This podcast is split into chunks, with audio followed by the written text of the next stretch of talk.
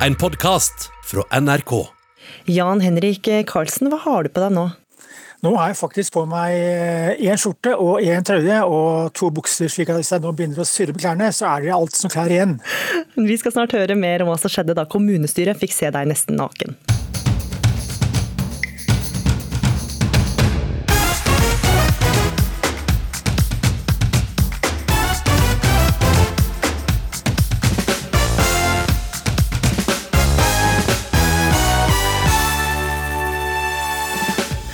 Over 100 surrogatibarn venter på foreldrene sine i koronastengte Ukraina.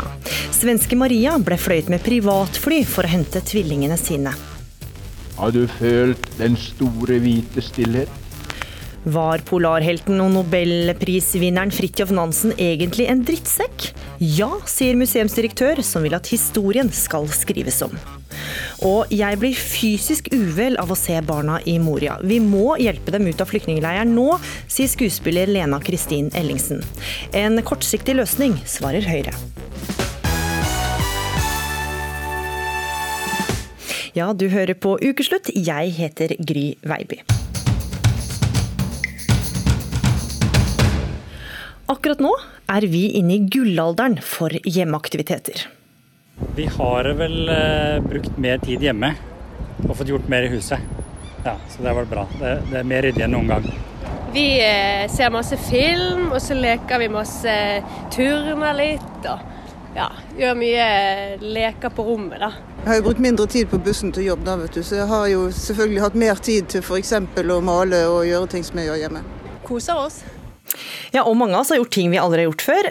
Noen har fått øya opp for spill, andre har gjenoppdaga gleden ved å lese bøker. Andre har fått ørene opp for duetter på nett med en fremmed. Hør bare her. We are still kids, but we're so in love, fighting against all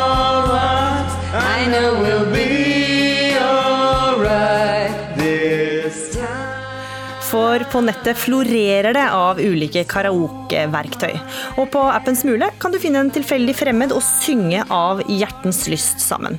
Ingrid Liland, du er karaokeproff. Hvor god erstatning er digital karaoke fra det å møtes og synge sammen? Jeg tror at i den tida som vi har vært gjennom nå, så er digital karaoke en skikkelig bra måte å komme i kontakt med likesinnede og få lov til å synge. Men jeg kan jo aldri erstatte det å møtes ute og synge sammen foran folk. Sammen med deg, men fra et annet sted i landet, er du Eirikur Sigurdsson. Du er også en karaokeproff. Ja, for dere to sammen er faktisk de beste i Norge. I fjor så vant dere Norgesmesterskapet i karaoke. Eirikur Sigurdsson, hvor vant er du til digital karaoke? Nei, det er jo blitt, uh, blitt noe sånn, uh, en slags nødløsning nå som ikke kan møtes. Uh, så jeg har vært litt inne på Smule og litt, litt live på Facebook og sånt. Og... Ja, Så har vært på karaokeappen hvor man kan synge i duett. Hva med deg, Ingrid Liland, har du brukt det mye? Jeg har bare testa det de siste dagene. Men det er jo en veldig bra løsning. Altså, Dere har også vært sammen i Tokyo, det var verdensmesterskapet. Når man synger karaoke, hvor tett til originalen skal man legge seg? Bør man ha sin egen stil, eller bør man legge seg mest mulig opp til originalen, Liland? Nei, Det kan man bestemme helt sjøl. Er det bra show, så er det bra show uansett. Hva sier du til det, Sigurdsson? Nei, absolutt. Det, kjør din egen stil. Uh, hvis, uh, så lenge så du holder deg sånn noenlunde innenfor rammene, så syns jeg det er greit. altså. Det og det, det, det, er jo litt av det som er kjekt med karaoke. Du får en scene og gjør som du vil i fire og et halvt minutt, eller hvor lenge sangen varer. Mm. Og Grunnen til at dere er her nå, er jo fordi at vi må jo få eh, noen gode stemmer til denne utfordringen som kommer her nå. For at dere skal få en duett som dere nå skal synge fra hvert deres sted. Og eh, fordi dere er så proffe, så fikk dere heller ikke på forhånd vite hvilken låt det var. Men her skal dere føre.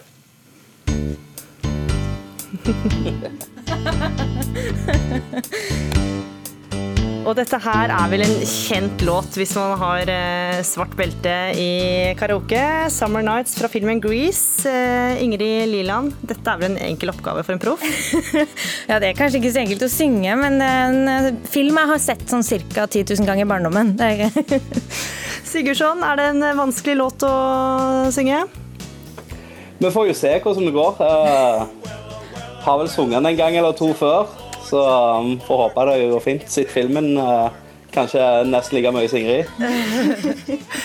da skal dere få lov til å uh, forlate studio, og så skal dere få lov til å øve. Og så skal vi høre fra dere igjen veldig snart. Greit. Ja, kjempe.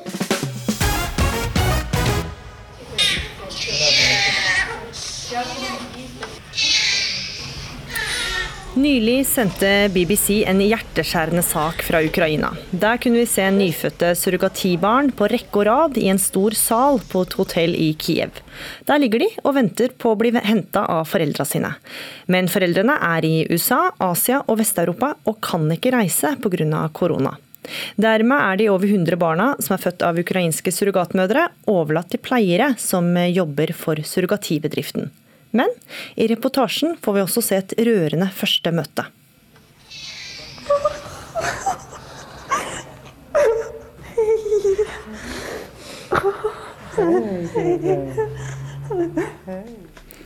Ja, Den som hikster her, det er deg, Maria, da du og mannen din Andreas møter tvillingene deres. Hvordan var det å holde babyene for første gang?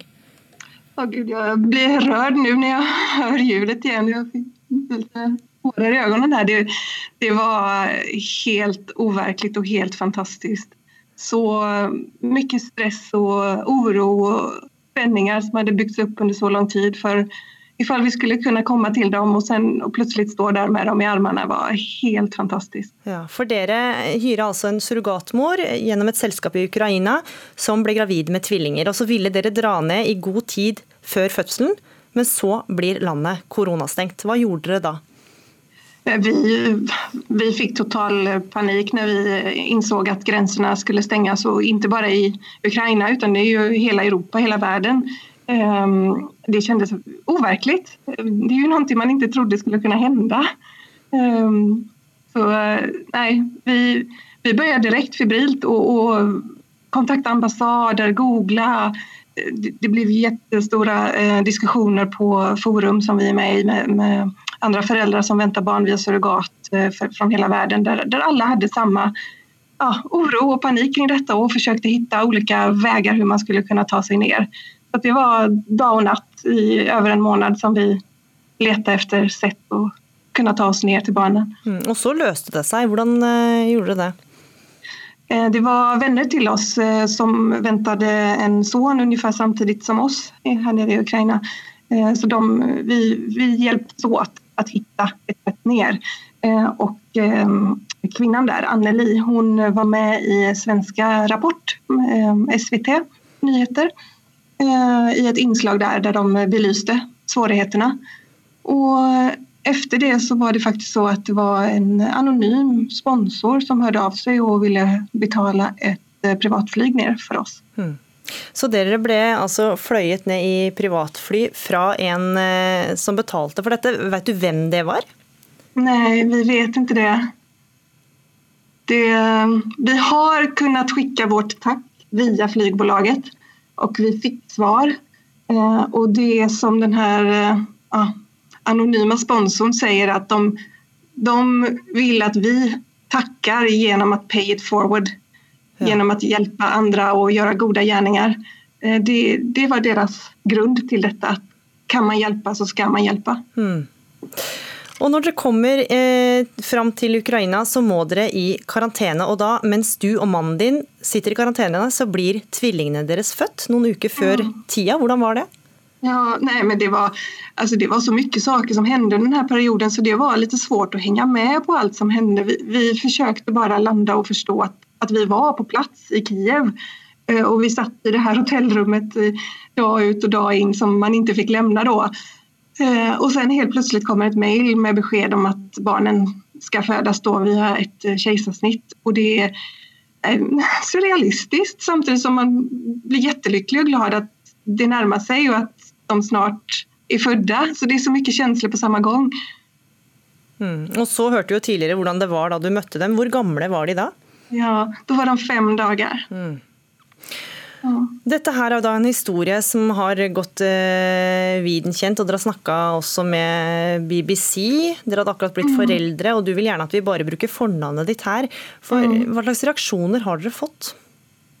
de reaksjonene som har nått oss, eh, det har bare vært positive reaktioner. Väldigt mycket kärlek, positiva reaktioner, många som är glada för oss att det har gått bra. Samtidigt som alla är förskräckta över situationen och hur många föräldrar som inte kan komma till sina barn eller snarare hur många barn som är utan sina föräldrar. Eh, men det er också en anstormning av reportrar som hörde av sig till oss fra från världens alla hörn. Det har varit USA och det har varit Australien och det har varit överallt. Eh, så det blev lite för mycket för oss. Vi hade ju precis fått barnen mm. och försökte landa i den situationen och ta hand om dem. Det är mycket tid som går åt att ta hand om barn och inte minst två barn. Och nej, det blev för mycket för oss så med, med alla förfrågningar. Det mm. blev ett stort intresse men, men det ska sägas att det som nådde oss det var bara positivt. Mm. Ja, for som du sier så ble det stor eh, medieinteresse her. og Noen ja. av de som skrev om saken, det er jo oss her i NRK. Og Jan Espen Kruse, du er korrespondent i Russland. Surrogati er lovlig i Ukraina, og det er venta at tallet på barn uten for tilgjengelige foreldre vil øke dramatisk. Hva vet du om det? Ja, Det er eh, ombudsmannen i Ukraina som har sagt eh, at eh, dette antallet barn på 100 det kan øke faktisk helt opp til 1000 og forbi det hvis ikke grensene til Ukraina åpnes. For det er faktisk så mange som, som føder barn på denne måten i Ukraina. Det har jo rett og slett blitt en ganske stor eh, I Ukraina blir det kalt en egen industri eh, ved at eh, så, så mange fødes der. Og det det er vanskelig å finne nøyaktig tall på hvor mange det dreier seg om, men i løpet av de siste årene er det sannsynligvis flere titusener det er snakk om. Mm, ja, hva er grunnen til at surrogati er blitt så stort i Ukraina? Ja, Det er flere årsaker. Noe av det er jo at eh, det ble forbudt eh, i, eh, i India og i Thailand, unntatt for landets egne innbyggere. Og Ukraina, der er det altså fortsatt lovlig. Og, sånn at mange søker seg dit fra veldig, veldig mange av verdens land. Ukraina har faktisk blitt et slags internasjonalt senter for surrogati. Hmm. Så sier du at myndighetene myndighetene i landet håper at grensene skal eh, åpnes igjen, så flere kan komme inn. Men hvordan har de tenkt å løse det fram til da?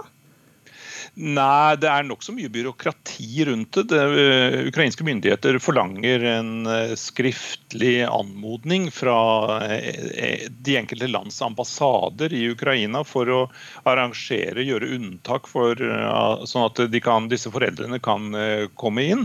Sånn at Etter det jeg har sett, så er det ganske mange byråkratiske hindringer som, som, som ligger der for de som prøver å få komme til sine barna. Mm. Maria, det er jo enkelte i Norge her som har delt historien fra Ukraina. så Dette bildet av alle disse barna som ligger alene eh, på et hotell og mm. sier at surrogati er galt. Hva sier du til dem? Mm. Um, nej men jag tycker det är svårt att säga någonting om det. För I alla ämnen vi pratar om så kommer människor ha olika uppfattning. Det, så är det och så ska det väl vara. Man har rätt till sin egen åsikt. Ehm, det som jag tycker är synd i det här fallet är att man väljer att använda den här historien till ett annat syfte än det som historien handlar om. Det här handlar ju inte om surrogaten, det är rätt eller fel. Det här handlar om att barn blir liggande i ett främmande land, statslösa och får inte återförenas med sina föräldrar. Och det är ju fruktansvärt. Och orsaken är ju inte surrogat, orsaken är ju coronaviruset som ingen hade kunnat räkna med att det skulle kunna hända och vilka effekter det skulle få på världen. Eh, så det er en ekstrem situasjon som mm. ligger til grunn for det her. Hva er grunnen til at dere valgte surrogati? Vi har forsøkt å bli gravide på egen hand under ni års tid ungefär eh, med ulike fertilitetsbehandlinger, men ikke lykkes. Mm. Så det var det var vårt sett å kunne bli foreldre. Mm. Og nå er dere altså fortsatt i Ukraina med tvillingene. Vet dere noe mer om når dere kan dra hjem til Sverige? Vi vet ikke exakt så, men vi, vi har börjat starte prosessen. Vi var på ambassaden i dag, svenske ambassaden her i Kiev for å starte opp prosessen med å fastställa faderskap. Det, det er første steget man må gjøre da. Jag tror at liksom den, ja, administrativa processen med att få fram pass, den är inte så påverkad. Eh, det som är problemet är just eh, flygmöjligheterna då, som är väldigt begränsade att komma hem. Och då går det ett till Köpenhamn på fredag som vi hoppas vi ska hinna få ett pass tills dess så vi kan åka med det. Men det ja, vi vet inte ännu. Mm. Får vi håpe dere får vært med på det flyet på fredag. Tusen takk for at du var med i Ukeslutt, Maria. Og lykke til med tvillinger. Eh, og takk også til deg, Jan Espen Kruse. Ingen tvil om at eh, vi har blitt bedre kjent med hverandre på helt nye måter i denne spesielle tida, der veldig mye foregår digitalt. Men denne uka så fikk kommunestyret i Nes se noe helt nytt. De fikk nemlig se deg nesten naken under et eh, kommunestyremøte. Jan Henrik Karlsen, du er kommunalsjef for helse og velferd altså, i Nes kommune på Romerike. Hva var det som skjedde? Jo, altså Jeg er jo veldig glad i å trene, og kombinere det med å følge med på noe spennende på TV eller høre en nyttig debatt. Så jeg hadde ambisjon i kveld om å få med meg både en del av kommunestyret og kjøre en hard intervalløkt. Så jeg satt som vanlig da med bare truse eh, og klar til å, å tråkke vei. Eh, og satt samtidig på kommunestyremøte. Men eh, jeg har vel glemt da, ikke sant, i tide å slå av kamera. Eh, så litt i treningen da, så så jeg at rådmannen ringte. Jeg tenkte ja verden, rådmannen ringer meg nå, han er jo i kommunestyret. Det var sånn Karlsen, du er i bildet og du har ikke mye klær på deg. Og da ble jeg jo litt sånn panisk, da. Og stormet frem for å ta bort eh, bildet. Eh, og så er det mulig jeg hadde suksess eller ikke med det. I hvert fall så er det sånn at eh, tilbake på sykkelen, da, så gikk det litt tid, og så kom det en, en SMS eh, fra en annen i kommunestyret, og den låt noe i retning av at 'Carlsen, du er naken. ikke sant? Da ble jeg bekymra. Ja, og hva gikk gjennom hodet ditt da? Du er naken på altså, kommunestyremøtet? Nei, altså jeg er veldig distré, da, så jeg tenkte at jeg kan jo finne på alt mulig rart. Eh, men jeg kikket ned og så at underbuksen var på plass, og ikke noe utenfor. Så da falt det noe av bekymringen eh, fra mine skuldre. Og så tror jeg at jeg i grunnen eh, altså Min bror sier at jeg har dårlig selvinnsikt, men jeg vet at jeg er ikke veldig god på det digitale. Så jeg tenkte at nå må jeg bare altså, vri eh, hele PC-en, så er det mulig å se meg. Og så fullførte jeg, eh, fullførte jeg etterpå da treningsøkten og hørte på en god del av debatten. Ja, Så du fikk med deg debatten, fullførte treningsøkta. Men dette som skjedde, det ble altså da, da spredt seg som ild i tørt gress i medier landet rundt. Er du overraska over oppmerksomheten? Nei, altså når jeg ble oppringt eh, dagen etterpå av eh, VG og Dagbladet, da skjønte jeg at dette her begynner å bli ganske kjent, og da kan det i grunnen bry om seg. da. Mm. Hvis en avis begynner å skrive, så følger veldig ofte mange andre etter. Og Hva tenker du om at så mange har sett deg nesten naken nå? Nei, Det gjør meg i grunnen ingenting. Har du fått noen frekke tilbud?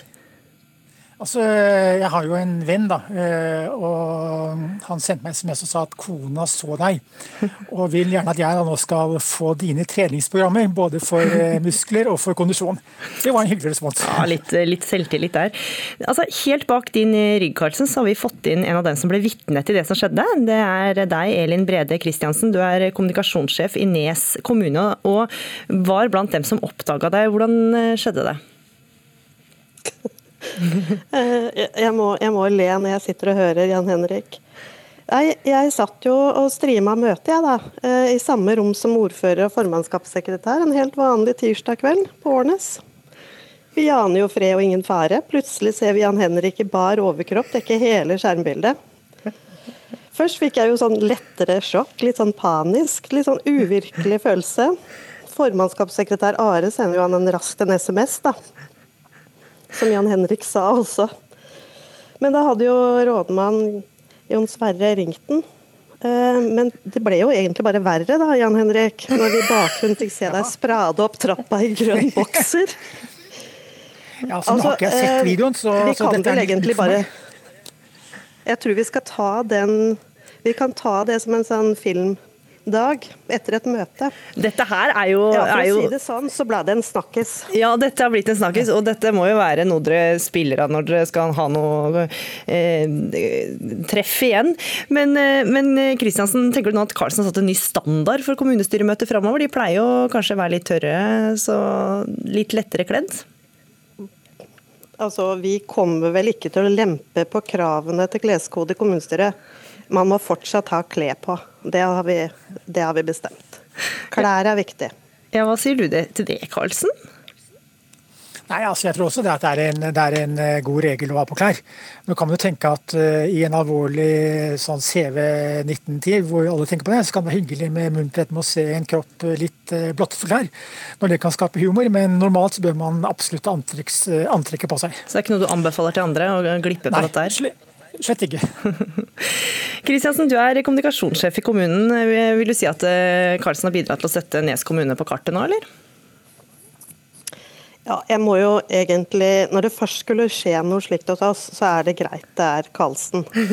Altså, Midt oppi alt det triste og alt det som skjer rundt oss, er det herlig befriende med en skikkelig god og ekte latter. Mm. Jeg ser også at Nesbundet eh, tar denne saken med godt humør. Eh, det er mye latter. Så, så, sånn sett så har vi kanskje hatt godt av å få ledd litt. Men når det er sagt, da, så er det vel kanskje ikke sånn vi ønsker å ha møtene fremover. Men eh, du har i hvert fall fått oss alle til å smile, så takk for det, Jan Henrik Karlsen. Takk for at du var med i Ukeslutt, og takk også til deg, Elin Brede Kristiansen, begge fra Nes kommune.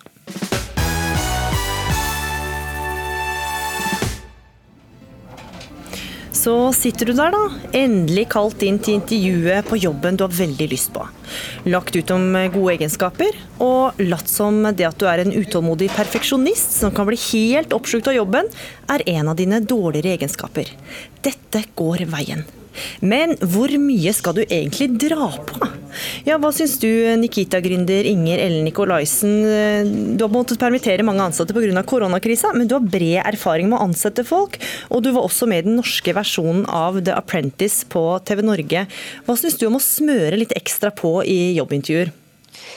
Nei, jeg tenker jo det at, eh, at, eh, man må jo få frem sine sterke sider, selvfølgelig.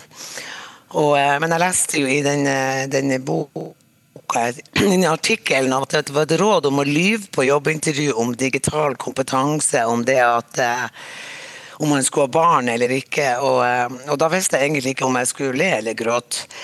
Fordi at jeg tror det er kjempeviktig å, å være seg sjøl på et jobbintervju et, um, et arbeidsforhold det, er tosidig, og det bygges på tillit. Og, og, det er veldig dårlig start å starte med en eller, eller flere løgner. Altså, den artikkelen reagerte jeg på, den boka.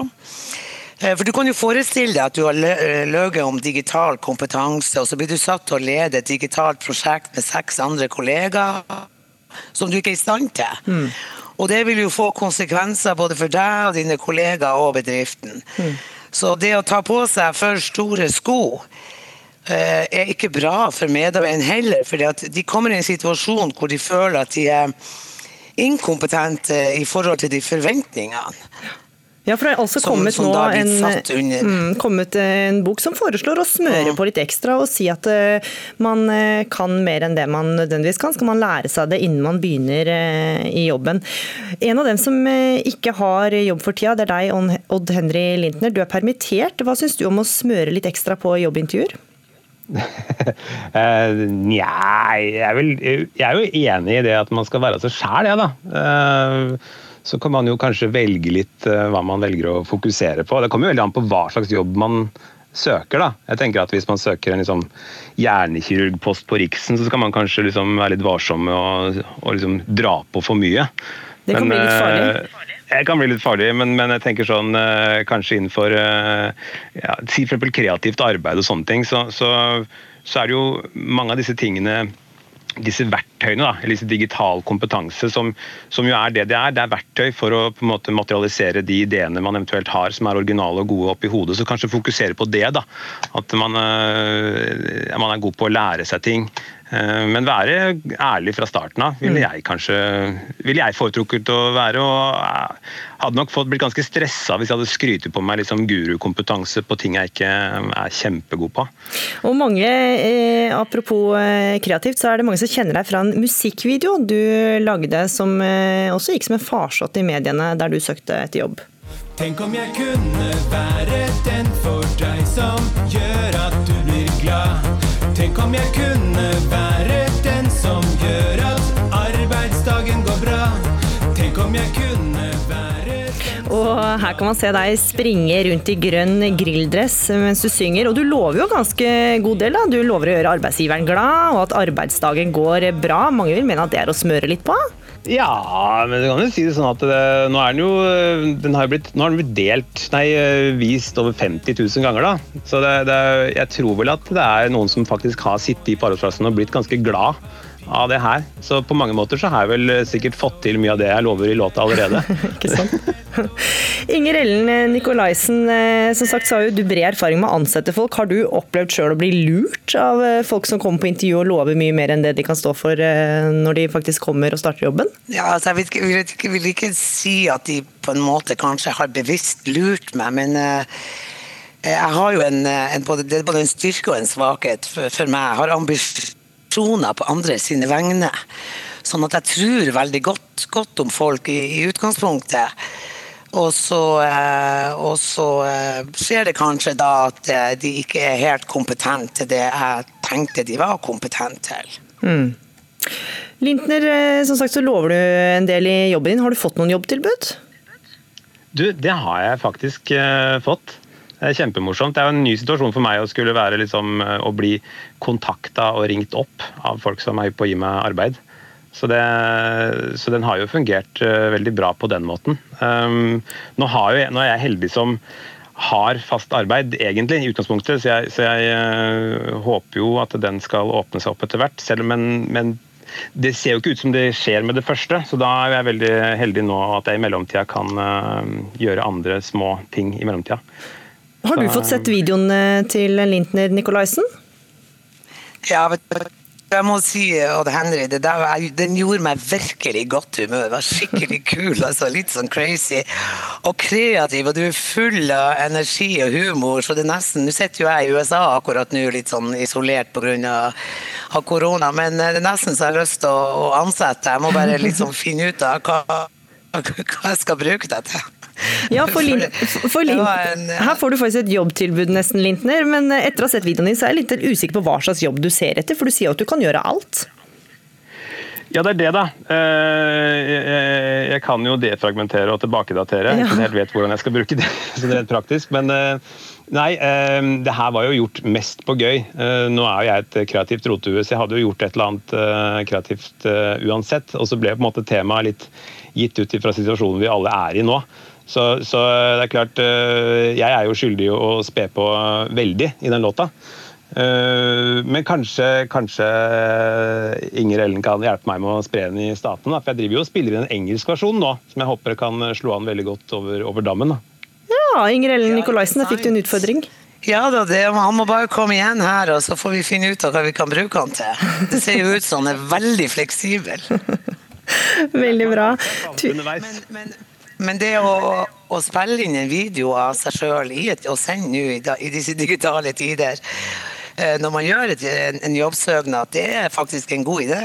Ja, så kanskje også flere kommer til å gjøre det. Den videoen din har faktisk også blitt delt på karrieresenteret til Nav for å inspirere andre jobbsøkere for ikke å gi opp. Så dette her er jo bare å se og la seg inspirere i en tid når arbeidsledigheten i Norge er skyhøy. Tusen takk for at dere var med i Ukeslutt, Inger Ellen Nikolaisen og Odd Henry Lintner. Fastemåneden ramadan nærmer seg slutten, og i morgen er det id, en muslimsk høytid som avslutter det hele med en feiring. Koronapandemien og smitteverntiltak setter sitt preg på feiringa, med avlyste fellesarrangementer og begrensa tilgang til moskeer. Men det resulterer også i kreative løsninger, som drive-in id-fest. Ja, nå fikk vi akkurat vite frekvensen. Ja. Så nå skal vi prøve å stille inn til uh, riktig frekvens. Initiativtaker til drive-in id-feiring, Arshad Jamil, trykker på en skjerm foran i bilen til han får opp FM-radio. Uh, dette blir veldig spennende, uh, fordi alt er jo så automatisert nå. Og finner til slutt frem den rette frekvensen. Nå hører du meg i bilradio. Nå kan han teste mikrofonen som skal brukes på scenen når opptil 250 biler slipper inn på den store parkeringsplassen på Tryvann i Oslo for å feire den muslimske høytiden id. Og så vil alt bli feedet live på en skjerm på 50 kvadratmeter. I dag er han her på befaring sammen med medarrangør Rabita Moskeen. Han kjører bilen nærmere en stor skjerm som skal brukes, og ser for seg hvordan det ser ut her når id skal feires med mat, underholdning, taler og forbønn. Helt fullt, fullt kaos, en elektrisk stemning, eh, og at folk kommer til å huske dette her som en eh, av de beste id-følelsene de har hatt. Eh, selv om det er under koronatiden, selv om det er under stengte moskeer, eh, så vil de huske denne dagen. Jeg driver og lager en uh, gryterett som består av bl.a. Uh, kjøttdeig, poteter, kikerter, kanel og tomatpuré. Under fastemåneden ramadan holder muslimer som faster seg unna mat og drikke fra soloppgang til solnedgang. Og i NRK-programmet Ramadan med Noman snakka gjestene om at det ikke alltid er like enkelt. Spesielt den siste timen før de kan bryte fasten. Seriøst, jeg lever så vidt. Ja. Jeg er vel sulten, da. Ja. Da er klokken 21.26, og da kan vi bryte fasten. Mm. Og når ramadan avsluttes, har naturligvis også maten en sentral rolle for mange i feiringen. Folket faster jo fortsatt, så de, folket får jo lyst eh, på mer og mer når det kommer inn. på slaktebutikken Delikaten på Grønland Basar i Oslo står kunder i kø for å handle kjøtt. Og medeier og daglig leder Mohammed Josef, eh, som også driver slaktebutikken Lille Svinesund i Oslo, merker økt pågang når folk handler inn til id-feiringen. Eh, vi klarte å få til litt fersk lam her nå. Det er jo litt tidlig, men vi klarte å få litt sånn fersk dialam lam. Han tror reiserestriksjoner pga. koronaviruset bidrar til økt etterspørsel. Det er jo, Siden grensa er jo stengt, så det er ikke noe harry handel. Så er folk nødt til å handle absolutt eh, alt eh, kjøtt en har i Norge. Altså, selvfølgelig så har vi kanskje ja, doblet omsetning i hvert fall. Altså, du, man står jo opp, da. Eh, og man drar og ber. Uh, den id-bønnen. Uh, jeg har ikke gjort det på mange år, men uh, folk gjør det. Og når du kommer hjem til mamma, så er det sånn Det bare lukter fantastisk. Komiker og programleder Abu Bakar Hussein hadde gleda seg til festmiddagen hos moren sin under id. Men koronapandemien satte en stopper for det i år. Og hun er i Pakistan. hun fikk korona uten symptomer. Så hun er, hun er jo Hun er ikke syk. Men hun får ikke noe billett tilbake akkurat nå. Så litt merkelig å ikke ha fest hjemme hos henne. Selv faster han ikke, men setter stor pris på det sosiale når familien kan samles. Det at han er så åpen rundt det at han ikke faster under ramadan, har han fått mye positive tilbakemeldinger på. Jeg har faktisk bare fått positive reaksjoner på det, fordi det som, altså de fleste er som meg, tror jeg. Eh, de, de, de, liksom, de, er, de har en veldig fin forhold til eh, religionen sin men noe som ikke overtar hele livet. da. Jeg har fått mange meldinger om at folk som føler at de, at de kjenner seg igjen med det jeg sier. Eh, men det var jo en tid eh, da du fasta. Kan du si litt om liksom, hvordan det begynte, og hvordan du endte opp på en måte med det der du er i dag? Jeg fasta ganske mye da jeg var yngre. Eh, ble lært opp ganske tidlig. Og gjennom ungdomsskolen så bare begynte jeg å jukse litt med fasten min. da. Uh, ikke, mer sånn at jeg var ikke så veldig sulten, men det er sånn Jeg bare likte ikke å faste. Det er sånn Kan jeg ikke bare spise når jeg vil? Så uh, det starta liksom med ungdomsskolen at jeg begynte å liksom slutte å faste. Men jeg sa ikke hjemme at jeg ikke fasta. Jeg, jeg, jeg hjemme og sa at ja, jeg faster. Kom hjem mett, men så sier jeg at å, jeg er så sulten, jeg gleder meg til at vi skal åpne fasten. Uh, men det, jo eldre jeg ble, jo mer ærlig var jeg med det, med familien. Eh, de likte det ikke, selvfølgelig. Det er ikke mange som eh, støtta meg på den, men eh, de lar meg være nå, i hvert fall. Nå som jeg er over 30 år. Nå er det greit. På Id spiser vi god mat. Så er man med familie. Man får masse gaver. NRK skal være med på feiringen. NRK-programleder Rima Iraki sitter foran skjermen og jobber med manuset til direktesendingen Festen etter fasten, Id Mubarak, som er den første av sitt slag i NRK. Og vi gjør dette her for å skape en felles feiring for eh, dem som markerer denne høytiden. Og så vet vi også at eh, veldig mange er nysgjerrig på hva id er, hva man gjør, hva man spiser, om man får gaver. Eh, så vi håper at dette programmet kan bidra til at folk rett og slett kan forstå hverandre bedre? Jeg kaller meg nesten en festgeneral, kan vi si det? Amir Horori er klar for å ta imot bilder og spørsmål under sendinga. Jeg ser for meg det er jo noen som kanskje føler seg litt ensom, som ikke har kommet seg hjem fra eh, Tromsø, som skulle egentlig være i Oslo. Og da kan det være veldig, veldig hyggelig med en liten hilsen ifra til bestefar eller til bestemor, eller omvendt, da. Og drømmer allerede om all den gode maten som skal dokumenteres når NRK markerer id. Altså, nå tenker jeg på mitt dekka bord eh, fra Bodø, og der ser jeg bare for meg lammelår, og så skal det være en digg salat. Her er det mye å velge i. Ja, og det var reporter Line Forsmo som hadde laga denne saken. Vi skal tilbake til eh, digital eh, karaoke. og Ingrid Liland og Eirikur eh, Sigurdsson, dere sitter på hvert sted i landet. Nå har dere fått litt tid til å øve, og hvordan går det så langt? Det går bra. Så, så vi har øvd hver for oss til nå. Ja, Har dere hatt noen samtaler om hvordan dere skal legge opp sangen? Ja, vi har, vi har blitt Det å gi seg jo litt sjøl, da, med den sangen. Gjør det ikke det, Eirikur? Jo, det er ganske selvforklart. Ja. Det er en tydelig manne- og kvinnestemme. Men eh, Eirikur, når man skal synge duett, altså, hvilket, for at ikke sangpartneren skal bli overskygga, eller at du skal ta for mye plass som eh, sanger, spesielt da dere som har god stemme, da, hvordan gjør man da? Det som er så du ikke helt har akkurat eh, med en sånn en online, det er jo at du pleier å se på personen. Bruke kroppsspråk, og så invitere inn på en måte eh, når, når, du vil at de skal ta over litt, eller at du vil at de skal dra på litt ekstra.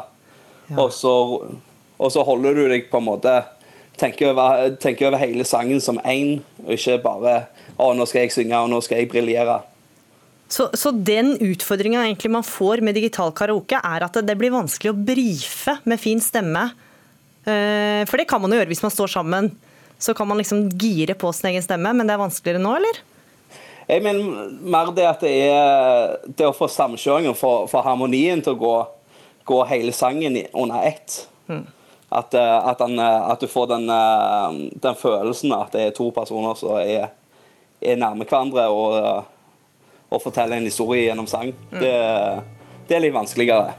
Da skal dere få lov til å gå, gå videre og øve litt til.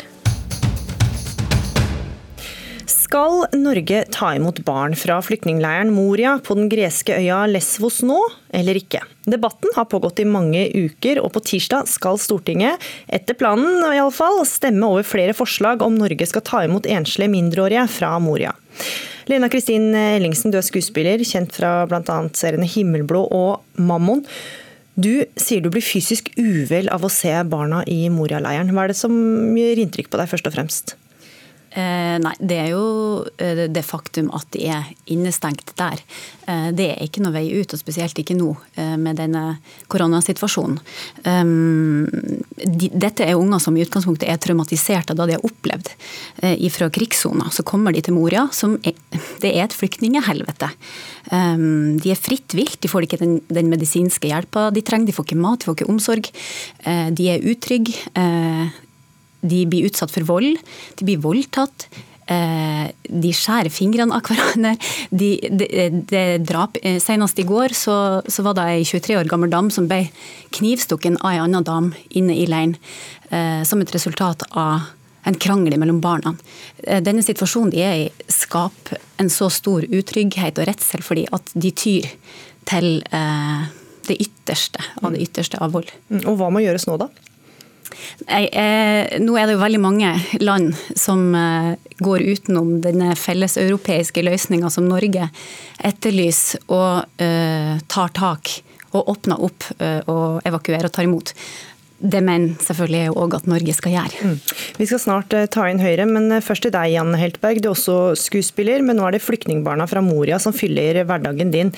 På morgenene så står du foran Stortinget du, for å møte stortingsrepresentantene og påvirke dem til å ta imot barna fra Moria. Hvordan er det?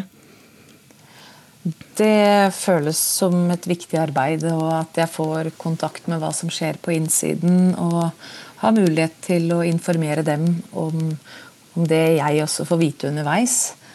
Alt fra prosedyrer eh, for evakuering og, og hvordan de forskjellige partiene forholder seg til saken. Mhm. Ja, hva slags mottakelse får du da? Eh, den har egentlig utviklet seg fra å Mange som ikke helt har visst hvem vi er som står der. Nå vet på en måte alle. Hvis de ser noen står med sånne små bilder av barnesko, så vet de at det handler om eh, Moria-saken.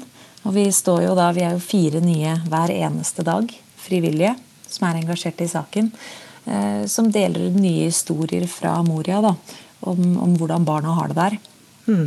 Og nå er det eh, flere og flere som kjenner til saken, flere som kommer bort og snakker med oss. Eh, mange som støtter oss og sier at, at vi liksom hold ut, det hjelper det dere gjør. Og, og, så er det selvfølgelig også noen samtaler med de som ikke er enige, som er kjempeinteressant. Mm. Du har selv også vært i Moria-leiren tidligere. Hvordan var det? Nå er det en stund siden jeg var der. Eh, det var jo allerede et helvete da. Det ble jo omtalt som helvetesleiren. Jeg har jo vært flere ganger nede i Hellas, og i 2015-2016 så var jeg da i Moria. Det var helt sånn tydelig at dette var det stedet man ikke ønsket å være, men det skulle være midlertidig. Eh, mens søknaden ble behandlet og man skulle videre inn til fastlandet. Men sånn har det jo ikke gått pga. EU-Tyrkia-avtalen. Så har det blitt en opphopning. Og bare siste halve året så har det vært en økning fra 6000-7000 mennesker i leiren til over 20 000 mennesker i leiren. Mm. Så det sier jo seg selv eh, hvordan det står til der nå. Mm. Det er jo hermetisk stengt nå også pga. korona. Så det er ingen som kommer ut eller inn. Det er ingen frivillige som er der, som kan hjelpe dem med å glemme hverdagen, som vanligvis leker med barna. eller De som bor der, har ikke lenger muligheten til å dra på apoteket eller på butikken. Mm. Vi har eh, spurt Justisdepartementet om å være med i denne debatten, men ingen i politisk ledelse der hadde anledning. Men det hadde du, Ove Trellevik. Du er innvandringspolitisk talsperson for Høyre. Det er jo ingen eh, som betviler at forholdene i Moria-leiren er forferdelige. Hvorfor kan ikke vi være med å ta imot barn fra Moria-leiren nå? Ja, det, det, er helt enig i at forholdene der er forferdelige, og det er de i alle leirer. skulle jeg si. Det er, det er stor nød eh, mange plasser og humanitære katastrofer, i tillegg til at mange flykter fra, fra krig og, og, og uroligheter. Eh, vi mottok jo den søknaden fra Hellas allerede i fjor høst, altså i september. Da fikk vi en søknad både fra Hellas og fra Kypros om å bistå om å relokalisere. Eh, så har vi jo deltatt veldig aktivt i det europeiske samarbeidet om asyl og migrasjon. Eh, og Vi deltok jo sist da i 2015-2016, der vi relokaliserte 1509 asylsøkere fra Norge. og, og Trellevik, det er jo spørsmålet igjen, Hvorfor kan ikke Norge ta imot barn fra Moria-leiren nå? Jo, Det er fordi at uh, vi ønsker at uh, vi skal ha en mer permanent løsning. Når vi var med på dette i, i 2015-2016, så viser jo resultatene i dag at det virker ikke. Sånne engangsløsninger virker ikke. Vi var med faktisk òg i 2018, og det er bare et par år siden. Da var vi med og, hjalp Malta, for da hadde Maltas kjempestore utfordringer. Og det er sånn at uh, at disse utfordringene som vi har, eh, både på, på Kypros, på Malta og i Hellas, de er Altså, De er helt forferdelige, de mottaksplassene som er på disse stedene. Det er det ingen tvil om at de har store utfordringer. Men, men, men, men disse båtflyktningene f.eks., som kommer fra Afrika, der har det dødd 15 000 bare siden 2014. Vi tar ditt første poeng eh, først, Trellevik. Og til deg, eh, Ellingsen. altså Har ikke han et poeng at eh, så lenge det ikke finnes permanente gode løsninger, så blir dette et evig problem, det med leire som fylles opp, og at vi ender opp med dugnadsarbeid og skippertak? Jo, og jeg mener absolutt at man skal tenke langsiktig, det må man samtidig. Men det går an å ha to tanker i hodet. Og Norge har bidratt med økonomisk bistand både til Hellas og Tyrkia, og det viser jo at det hjelper ikke. Det er blitt verre i løpet av de fem årene. Og da har jeg lyst til å bruke et bilde. Eh, ehm, hvis det brenner i nabohuset hvor det bor massevis av barn, hva gjør du da? Mm. Prøver du å redde dem ut av bygninga, eller kaster du en madrass eh, og noen hundelapper og et telt over gjerdet, samtidig som du ringer til alle naboene og lurer på om dere skal hente de ungene ut av huset? For, tre, for, for Trellevik, altså, Det er jo flere land som har sagt ja til å ta imot noen. Hvorfor kan ikke Norge gjøre det? Ja, det er noen som har sagt ja. Det er bare to land som har tatt imot, og så er det vel kanskje en ti-tolv som har sagt ja.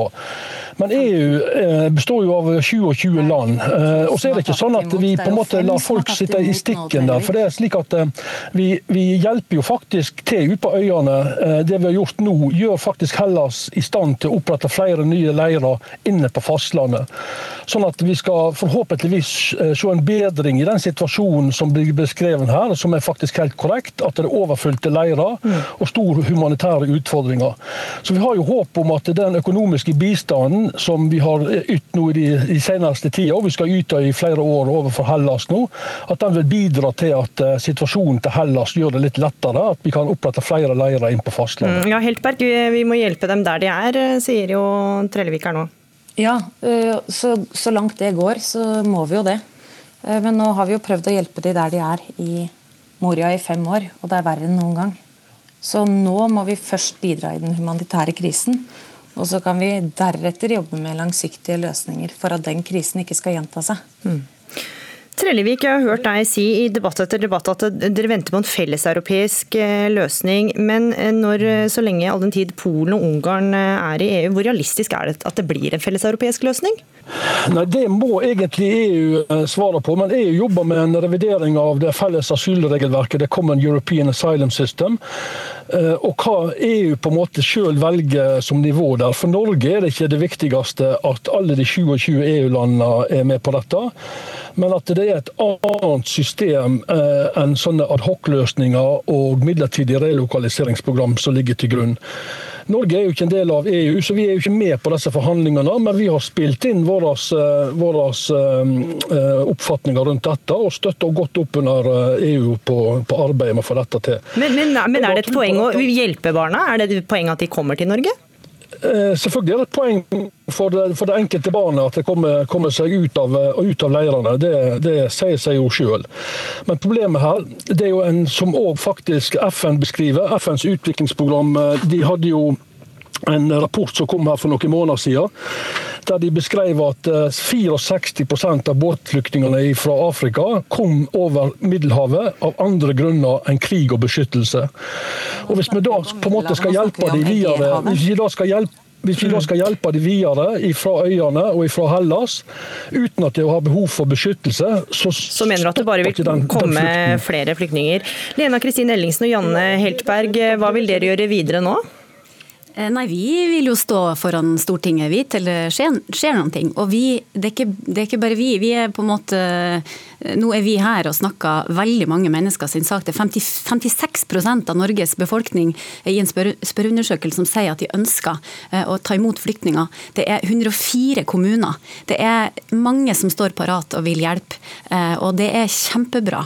Så, så vi må bare stå på videre. Heltberg, helt til slutt her, hva skal til for å gjøre deg fornøyd? Det er at Norge er med i det felleseuropeiske samarbeidet om å evakuere fra Moria og avverge den humanitære krisen. Mm. Nå er det Belgia, Bulgaria, mm. Finland, Frankrike, Irland, Kroatia, Litauen, Luxembourg, Portugal, Storbritannia, Sveits, Østerrike.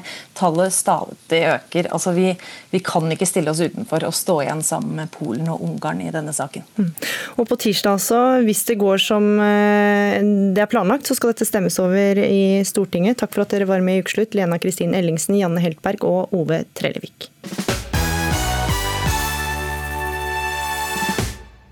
Det ble mye forvirring etter at kulturminister Abid Raja onsdag denne uka kunne fortelle at regjeringa åpner opp for barnefotball og enkelte andre idretter fra 15.6.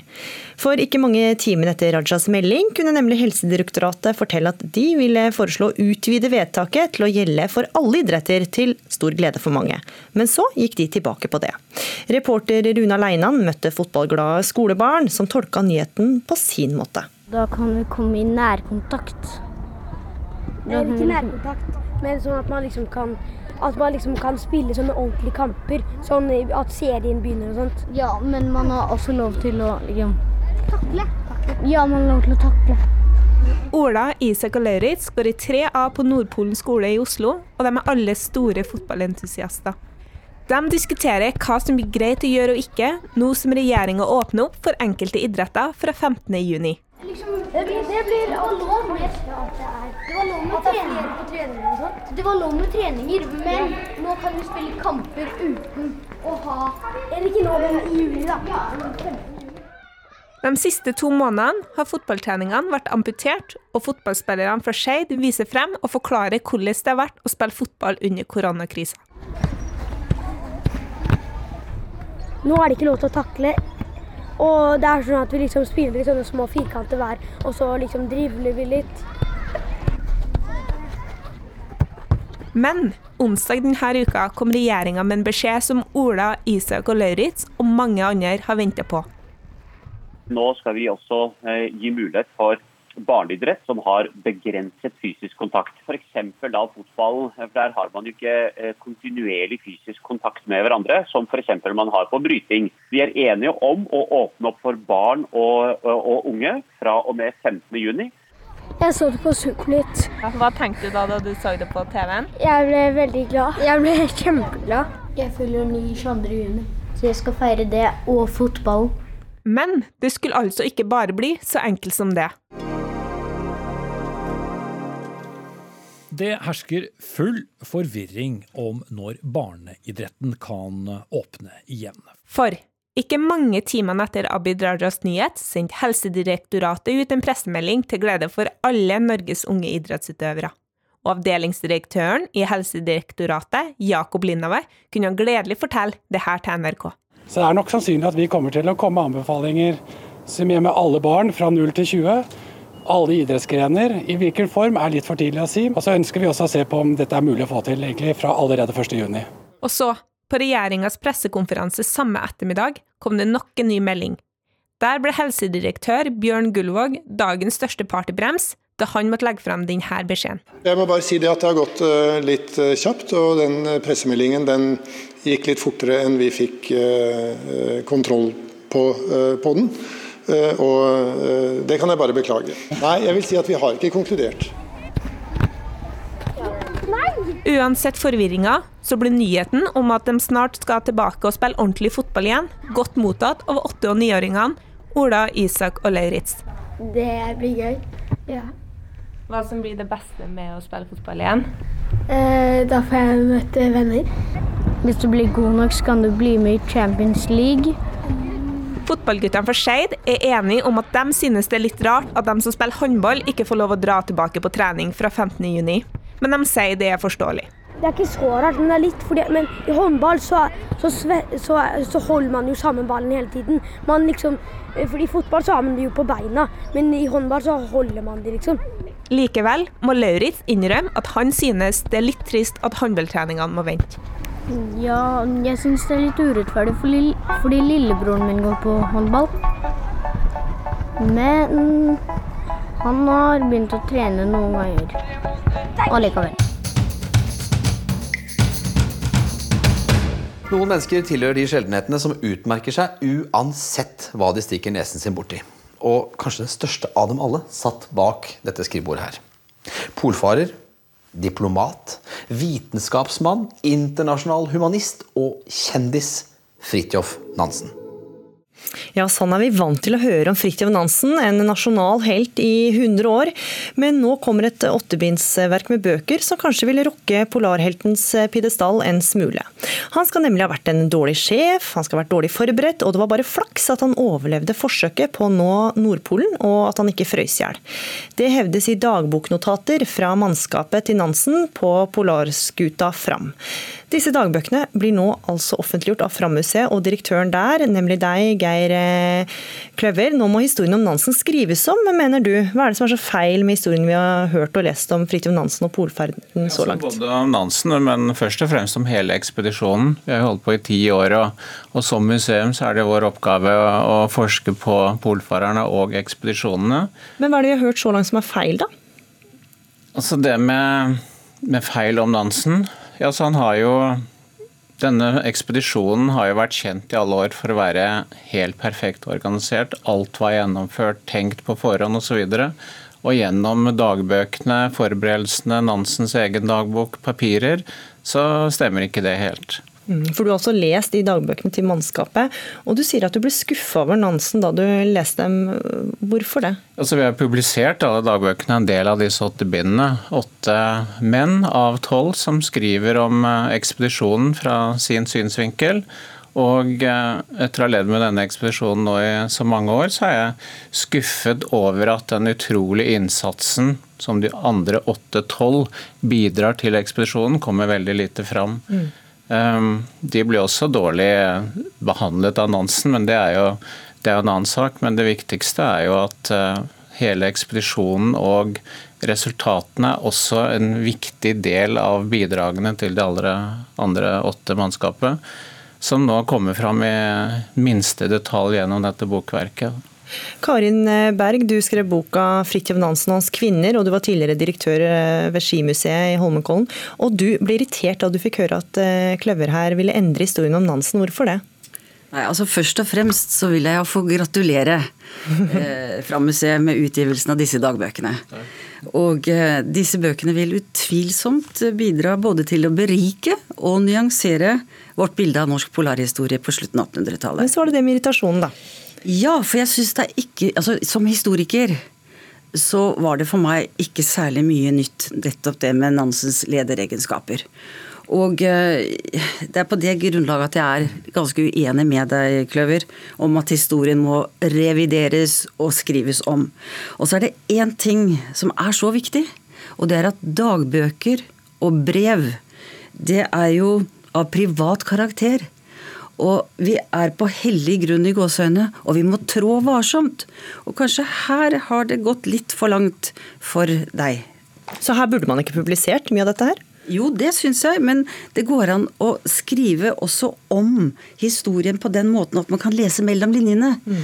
Men at materialet utmerket godt egner seg til publisering, og ikke minst å få løftet disse andre ekspedisjonsdeltakerne opp og frem i lyset, for det fortjener de, og mm. der er jeg helt enig med deg. Mm. Det er jo veldig viktig å presisere at det er ikke ett ord som er fjernet, og ikke ett ord som er lagt til i disse dagbokene. Det vi har gjort, er jo lagt til 1000 bilder som ble tatt under ekspedisjonen, loggbøker, protokoller, hele eh, skipsavisen underveis. og det er jo en hel. Komplett historie om denne ekspedisjonen. Men, men, for å gå litt mer konkret på dette her, da, hva er det, hva er det om, hvilken historie om Nansen, eller hva slags person var Nansen? Ja det, ja, det er interessant å vite, som jeg nevnte i stad, det med at alt var så perfekt. Og når du ser på forberedelsen til ekspedisjonen, alt som har med mat og ernæring å gjøre, helt utrolig forberedt kjemisk analyse mm. til den minste detalj, men noe så vesentlig sånn som ski, sleder, hundekjøring, forberedelse hvis noe skulle gå galt den første perioden, var lite gjennomtenkt. Så hvis det hadde skjedd f.eks. en brann i løpet av den siste perioden, eller første perioden på skuta, så hadde det gått galt. Og dette var jo ting som de da utbedret etter hvert. Men i henhold til litteraturen så er det mye sånn at åh, ja. Alt var helt strålende. Så han var, han var, dårlig forberedt, og så var han også en dårlig sjef, eh, Karin Berg. Men du syns ikke det er så rart at Nansen var litt vanskelig under årene på Fram? Hvorfor ikke? Nei, Det er nesten sånn som i disse koronatider. Altså Man blir innesperret i små rom, og det er tross alt bevegelsesbegrensning på eh, om bord i en sånn skute. Men du spør så fint om Nansens personlighet og hvilke trekk han hadde. Eh, han hadde i likhet med mange andre store menn et høyt selvbilde. Og han var en mann som kunne være forelsket i forelskelsen. Som nøt sitt eget selvbilde elsket å være dyrket og forgudet. Og det var jo ikke minst mediene, avisene og sånn, som bidro til dette bildet av helten mm. og høvdingen. Så du mener at han ikke bidro med det sjøl, det var eh, de rundt? Ble, altså, han leste en bok mm. uh, veldig tidlig i ungdommen av Thomas uh, Carlyle om herosdyrkelse, og det er om store menn, deres vesen og betydning. Sånn at han var stor mm. som mange andre menn og likte dårlig å ta kritikk.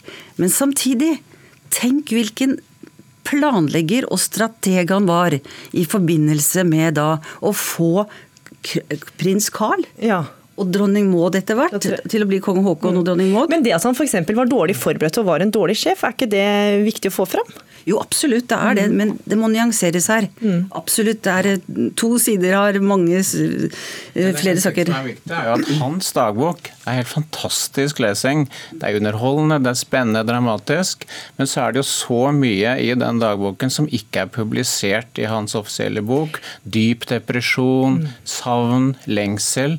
Og alt det kommer jo også nå fram ord for ord for første gang. Så dette er jo mange nyanser i dette prosjektet. Men eh, Nansen han ledde et langt liv. Han var polfar, han fikk nobelprisen for sin innsats for flyktninger i Russland og Ukraina. Hvorfor den begrensa perioden på skuta fram så viktig at historien om Nansen nå må endres? Ja, så nå er det jo denne ekspedisjonen vi snakker om. Dette er den ultimate dokumentasjonen av første framferd, som er kanskje den viktigste ekspedisjonen i norsk historie, og som bidro til Nansens storhet i senere tid, som ga han all den plass i Norge og internasjonalt. Og for oss som jobber på museum, som driver eh, og forsker på dette materialet, så er det helt utrolig å ha funnet fram til så mange kilder fra Riksarkivet, Nasjonalbiblioteket, Teknisk museum, mm. Norsk Maritimt Museum, og få gjort dette tilgjengelig for allmennheten for første gang, sånn at historikere og biografier nå kan skrive en, den ordentlige, egentlige historien om ekspedisjonen uten å bare være blendet av Nansens storhet, men kunne gå inn i alles alle deltakerens innerste tanker, som vi nå får fram. Og Berg, du og andre har også skrevet om Nansens mindre flatterende sider. Du skriver om de viktigste kvinnene i hans liv, eller 15 kvinner f.eks. Ja da, absolutt. Absolutt. Men at hans humørsvingninger og ustabile syke fikk følger for omgivelsene i dagliglivet, og ikke minst om bord på Fram. Så det må ha vært utrolig utfordrende å være så lojale mot en slik høvding og da kaptein på skuta som han var. Mm. Og det er ganske, Hadde det vært i et annet land, så hadde kanskje mannskapet gjort mytteri. Men det er nordmenn. De, de, Nansen var sjefen. De gjorde det som han sa, og de var trofaste også i all ettertid. Men dagbøkene deres forteller altså en, en annen historie hver eneste dag. Og det får vi altså høre mer om nå. Takk for at dere var med i Ukeslutt, Geir Olav Kløver, direktør på Frammuseet, og Karin Berg, forfatter. Har du følt den store, hvite stillhet? Våget det ukjent, trådt det utrådte veier, merket kartets hvite flekker? Har du savnet, sultet, seiret, vokset større i det hele storhet? Gjort ting blott for dådens spenning, og latt andre snakke om det? Har du sett Gud i hans storhet, hørt den tekst naturen preker, sett de enkle ting? Det sanne ting, det tause menn som gjør ting. Da lytter vitnet, det kaller på deg. Og der lot vi Fridtjof Nansen selv få avslutte denne debatten. Dette var diktet han leste i Roald Amundsens eh, begravelse i 1928. Da er vi klare for eh, resultatet. Vi er altså tilbake til eh, digital eh, karaoke. Nå har dere fått øve en stund, Ingrid Liland og Eirikur Sigurdsson, som er norgesmestere i karaoke. Hvordan har det gått? Det har gått bra. Det er en litt annen opplevelse å, å samkjøre digitalt, men, men musikk blir det musikk blir det. Kan dere nå altså Nå skal vi ha det i en sånn eh, verktøy som gjør at stemmen, eller ikke stemmen, men musikken blir kanskje høres litt ut som det er en liten boks. Så hvis dere nå skal synge liksom første tone av den låta her, kan dere gjøre det nå? Sånn at vi får uh, uten at vi hører musikken i bakgrunnen? Du får starte da, Eriker. Um, ja. uh, Uh, summer loving had me a blast. Summer loving happened so fast.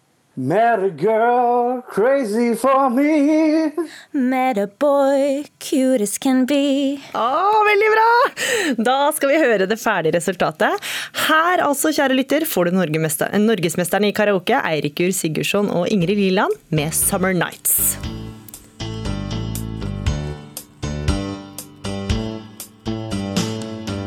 Summer loving had me a blast.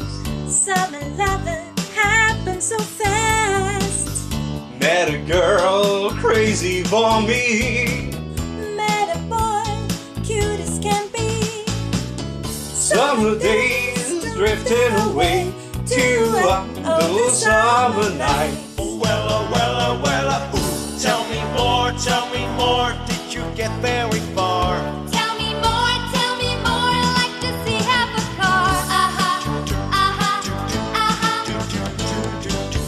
Swim by me she got a crown. He ran by me, got my so down. Saved her life, she nearly drowned. He showed up, splashing around. Summer song, something's begun. Oh, oh, oh summer night. Oh, well, oh, well, oh, well, oh.